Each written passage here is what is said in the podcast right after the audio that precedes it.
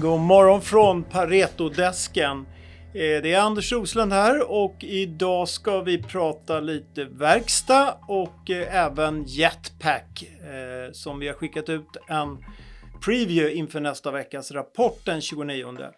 Men vi börjar med verkstadsbolagen. Eh, Igår gjorde vi en sammanställning av rapportsäsongen i Q2 och man kan tycka att den är någon månad gammal nu, men folk är tillbaka från semestrar och vi behöver damma av vår syn. Och eh, vi kan sammanfatta egentligen rapportutfallet med att det var en fortsatt stark orderingång, överraskande, lite bättre än väntat och även försäljningen kom in bättre än väntat. Men framförallt marginalerna var med något undantag klart bättre än väntat.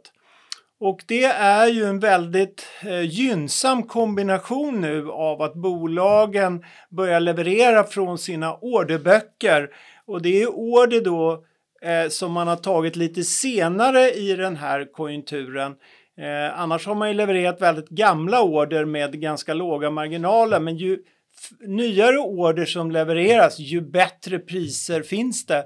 Och samtidigt så har vi haft kostnader som har sjunkit på energi, frakt, eh, råvaror. Så att kombinationen av förbättrad orderböck, förbättrad kvis, priskvalitet i orderböckerna och lägre kostnader och inte minst att utbudsstörningarna snart håller på att försvinna och det gäller halvledarkomponenter. Det gör egentligen att vi har en sweet spot under 2023 vad det gäller marginalutvecklingen för en stor del av tillverkningsindustrin. Allt det här jag säger är ju tillbakablickande egentligen. Det är ett konstaterande att det finns jättestarka orderböcker. Eh, och det finns bra lönsamhet.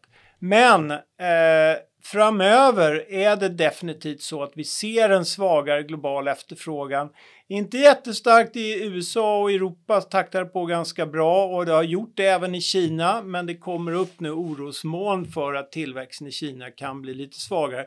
Och det syns i en del Q3-rapporter också och framförallt nu den senaste månaden efter att de svenska bolagen rapporterade så börjar vi se nu amerikanska och tyska bolag och det är några där, eh, Siemens till exempel som drog ner sin guidning för helåret något lite.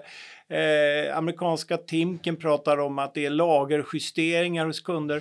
Så att det börjar komma lite mer synligt. Eh, så att jag är rädd för att den här väldigt positiva bilden för hela verkstad som vi har haft i över ett och ett halvt år nu med ständigt lite bättre utfall än vad vi har förväntat oss kanske eh, har kommit till ett slut nu och att vi nu Eh, de närmaste två, tre kvartalen kommer att få rapporter som i bästa fall är i linje med förväntningar men kan komma in lite svagare vart efter nu efterfrågan försvagas. Så varför ska man då ha verkstad i det här scenariot? Jo, skälet är ju naturligtvis att vi närmar oss det alla väntar på, att vi ska få räntesänkningar eh, någon gång, i alla fall under nästa år Eh, och att vi har nått räntehöjningstoppen här under året. Eh, men det är ingenting som är unikt för verkstad, det är någonting som hela börsen väntar på. Så att jag är lite sådär wait and see när det gäller cykliskt överlag. Och eh, man kan ligga kvar i verkstad men jag kan inte riktigt se att det är något sånt Eh, det kommer inte bli upprevideringar i våra prognoser de närmaste 6 till 9 månaderna.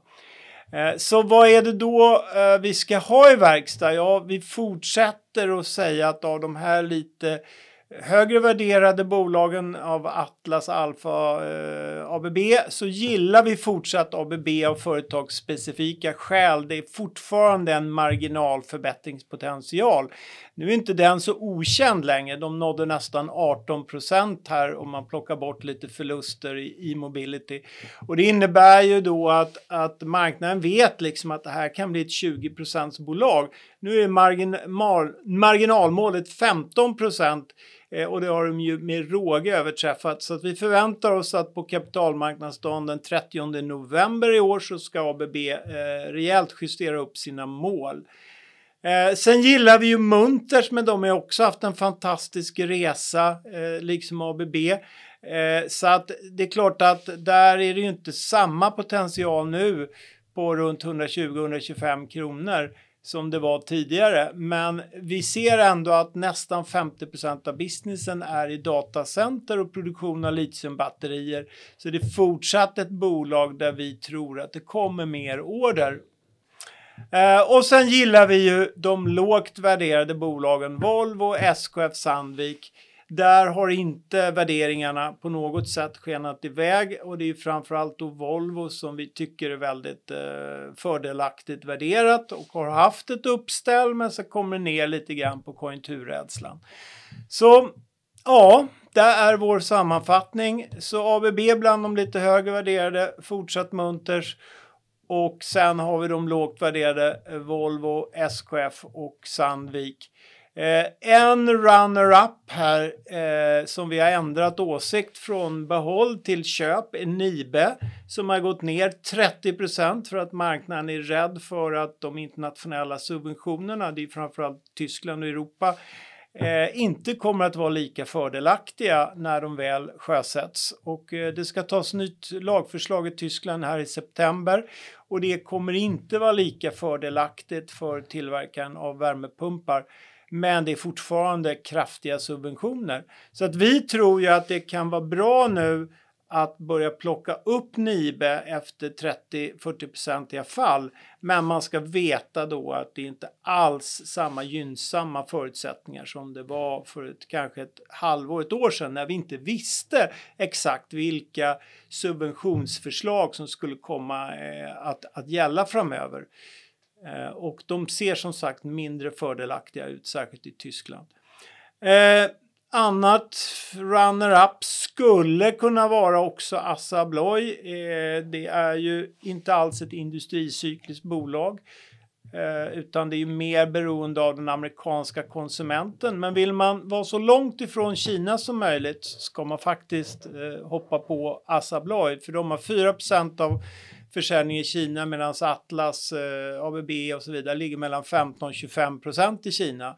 Om man nu är rädd för det. Och sen har de ju köpt på sig mer amerikansk konsument och är man positiv till att det ska någonstans vända i konsumtionen skulle det kunna vara i USA. Eh, och då skulle det kunna vara Assa som har en bättre position. Men vi ser trots allt att de ska ner genom en ganska tuff efterfrågenedgång i Europa och eh, i de närmaste kvartalen som jag sagt så ser det efterfrågemässigt ganska tufft ut för Assa. Så att det är mer att man ska ha den på radarn när, när man kanske tror att konsumenten har bottnat ur. Ja, det var allt om verkstad.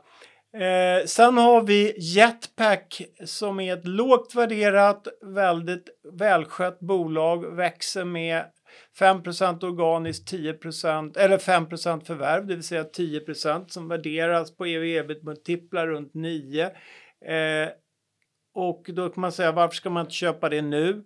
Ja, enda anledningen är ju att efterfrågan är svagare i Norden för flygtrafik. Dessutom då lite extra påverkat av att SAS är i Chapter 11 och stökar till det med deras avgångar och vilka typer av plan de har.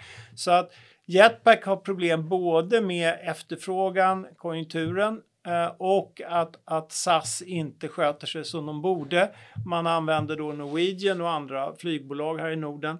Så att kortsiktigt är, behöver man inte springa in i Jetpack, men de har laddat, man har ställt in utdelningen två år i rad och har en, ett utrymme på 500 miljoner för förvärv och vi vet att det kan komma många intressanta förvärv.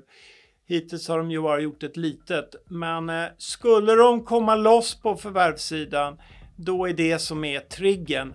Men som sagt, lite mixat inför nästa veckas rapport. Svagare efterfrågan, Eh, vänta kanske in den rapporten och sen, eh, men kommer ett förvärv då, då tror jag att aktien sticker. Vi har en köp 130 kronor och den står i 102 nu. Ja, det var allt för oss från Paretodesken. Hej då!